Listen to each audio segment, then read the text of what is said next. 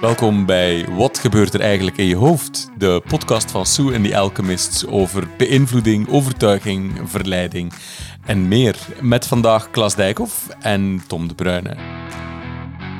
Vandaag willen we het eigenlijk hebben over ja, een onderwerp die ons ontzettend fascineert. En dat is toch wel de nobele kunst van uh, het debat, de, de, de topsport van de argumentatie. En vandaag hebben we eigenlijk een fragmentje waar Klaas en ik echt helemaal van smulden.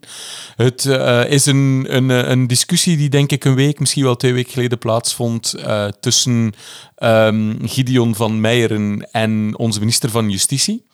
En we gaan eerst het fragmentje laten horen. Wel, mevrouw de voorzitter. Ja, ik sloeg even aan op de allereerste zin die de minister uitsprak. Namelijk dat zij alle begrip heeft voor protest en dat iedereen van zich mag laten horen en een onvrede mag uiten, zolang dat maar binnen de grenzen van de wet gebeurt. Dat is eigenlijk een standpunt dat hier ook alle partijen uitdragen, maar waar Forum voor Democratie het niet mee eens is, omdat wij vinden dat ook wetsovertredingen voor een hoger doel gelegitimeerd kunnen zijn. De minister. Voorzitter, er luisteren op dit moment agenten mee.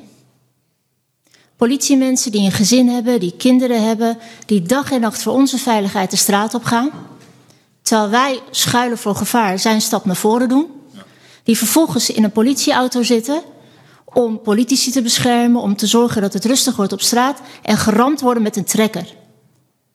Voorzitter, met alle respect, dan ben je niet goed wijs als je hier daarvoor begrip komt vragen. Dit was een drop-the-mic moment. Ja, Tom, dat is duidelijke taal. Kan, kan je mij eens ontleden, wat gebeurde hier? En waarom is het frame van onze minister van Justitie eh, zo fantastisch?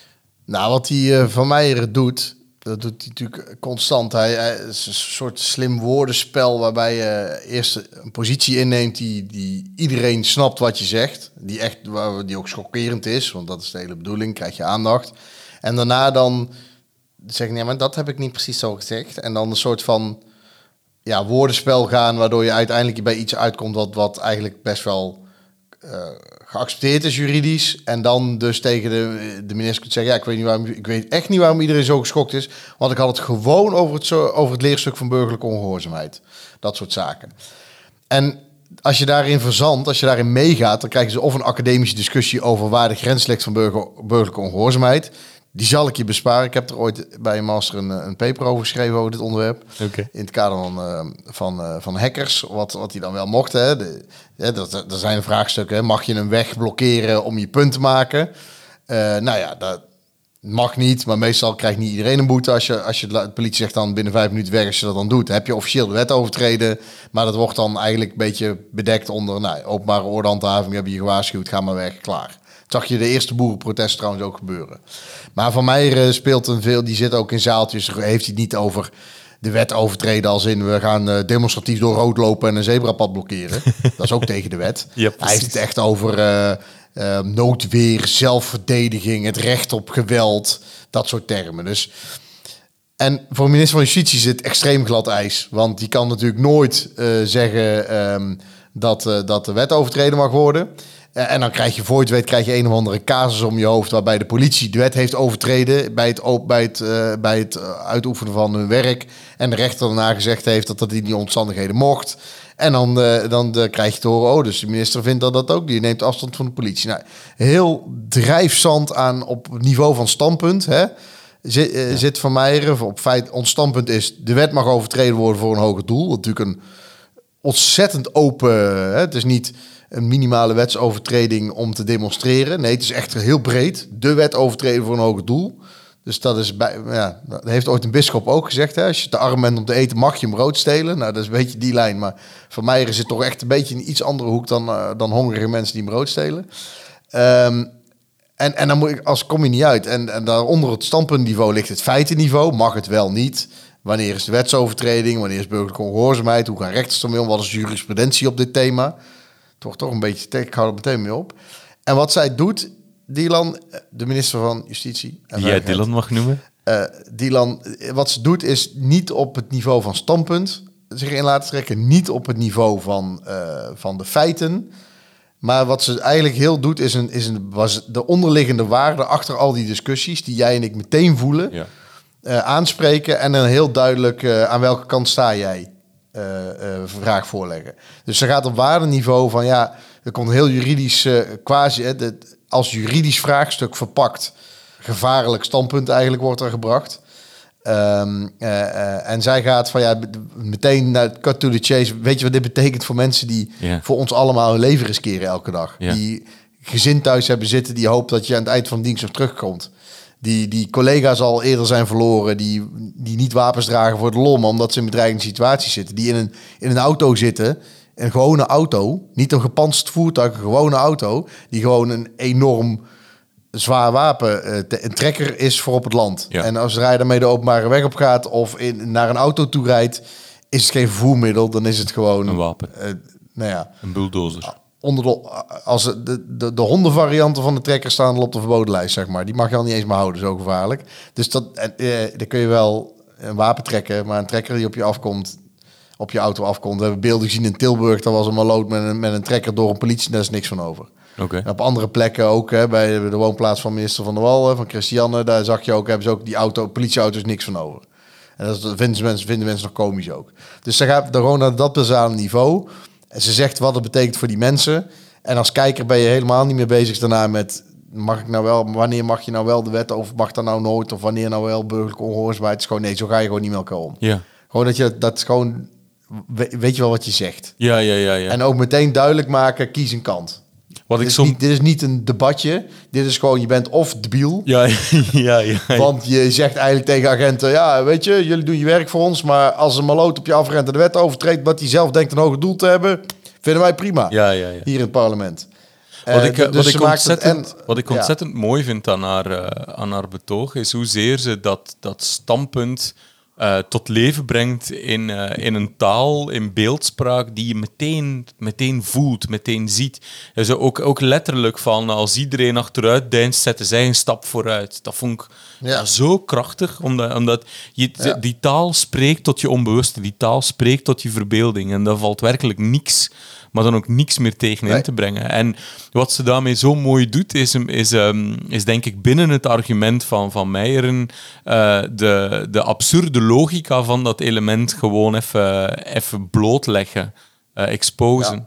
En dan En vervolgens... dat moet je niet, moet je niet onderschatten. hè, Want ik, kijk, wij vinden het absurd. Eh, Ik kan die van mij, ik kan hem er gewoon niet uitstaan, zeg maar. Dus, dus, maar je moet niet onderschatten dat hij natuurlijk wel... De beïnvloeding die hij toepast is, is, is ook sterk. Ja, hij pakt mij niet, maar dat wil niet zoveel zeggen.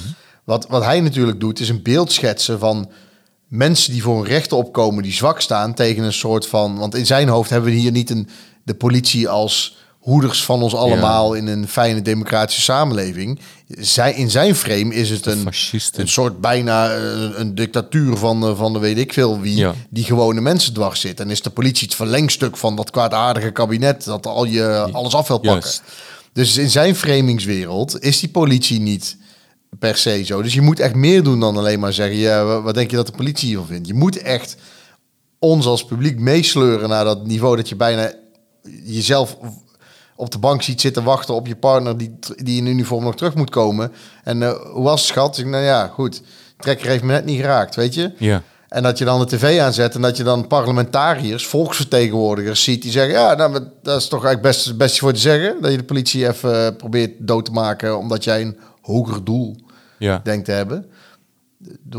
Als je op de lijn zit van ja, er zijn hogere doelen, dan is dat een sterk frame. Dus het is niet zomaar even een domme opmerking die je weg kunt eh, spelen. Dus Maar dat is dan des te, des, te, des te knapper inderdaad, dat ze compleet uit dat frame stapt en de toehoorder meesleurt naar een heel nieuw frame. En dat de basis van dat nieuwe frame is echt een soort eh, ander standpunt over ja, wat, wat de kernwaarden zijn die eronder liggen. ja, Namelijk dat eh, als de samenleving beschermd worden, als wij de beschermers van de samenleving hierdoor eh, eigenlijk eh, vogelvrij verklaard worden, dat, dat mensen Ja. die dat idee vertegenwoordigen gewoon niet goed snik zijn. Nee, en dat, dat, dat je wel allemaal een beetje interessant kunt lopen doen in je pak met je Gauloise gelul over eh, de grenzen van de, de staatsmacht en de hogere doelen. Maar dat uiteindelijk gewoon mensen van vlees en bloed zijn met kinderen die, hun werk aan het doen zijn, die vangen de klappen op. Ja, Als er een sfeer ontstaat dat je voor een hoger doel de wet mag overtreden. ja. Niet, niet jij met je, in het parlement met je, met je pakkie en je, en je rare hobby's. Dat is het mooie, dat, dat, dat vind ik zo het fascinerende aan framing. Dus bijna het idee van, van ja, dat, dat, het woord frame zegt het zelf, het is een venster die gepresenteerd wordt en waarvan dat de spreker zegt, kijk eens naar de realiteit door mijn venster.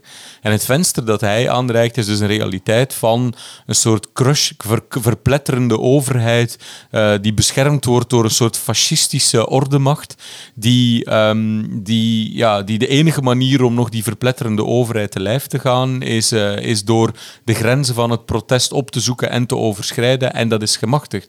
En dan zegt Dylan, eh, die jij Dylan mag noemen, ik noem maar de, onze minister van Justitie, die zegt er noem ik van, wel, kijk eens, ik ga een andere venster, eh, ik ga het venster verschuiven en ik ga eens via dat venster kijken Ja. naar, naar die mensen die elke dag leven wagen om de samenleving te beschermen. Daar ben ik het bijna mee eens. En dat is, ja, dat is toch wel topsport. Ja, alleen ik vind het, ehm, het nadeel van achteraf analyseren is dat we eh, wat er gebeurt, helemaal eens hoe jij dat beschrijft. Maar wij, wij, hoe we erover praten, lijken we er een intentie in te leggen. En het is niet zo dat daar een politica eh, eh, staat die in twee seconden bedenkt, wel, oh, ik ga nu een ander frame aanreiken. Nee. Dit is namelijk het frame hoe zij de wereld ziet. Ja. Dit is, zij hoort hem iets zeggen en dat botst frontaal op, op de lens waardoor zij het, Ja. wereld ziet. Dus wat zij, laat, wat zij ons laat horen is haar bril. Ja. We, mogen meekijken door haar lens, haar kader op de wereld. Ja. Dat maakt het ook zo sterk. Het is niet een getrukt, oh ik ga jou in een debatwedstrijd. En dat is ook het nadeel vaak van, als je gefascineerd bent met deze materie, dan moet je het achteraf, heb je mensen zoals wij die duiden. Of in mijn vorige leven die geduid worden. en dan worden, er, dan worden de verklaringen, de analyse lijkt altijd een soort van intentie. Waardoor de oprechtheid af en toe ook Ja, ja, oh, kijk ze dat er slim doen. Ja.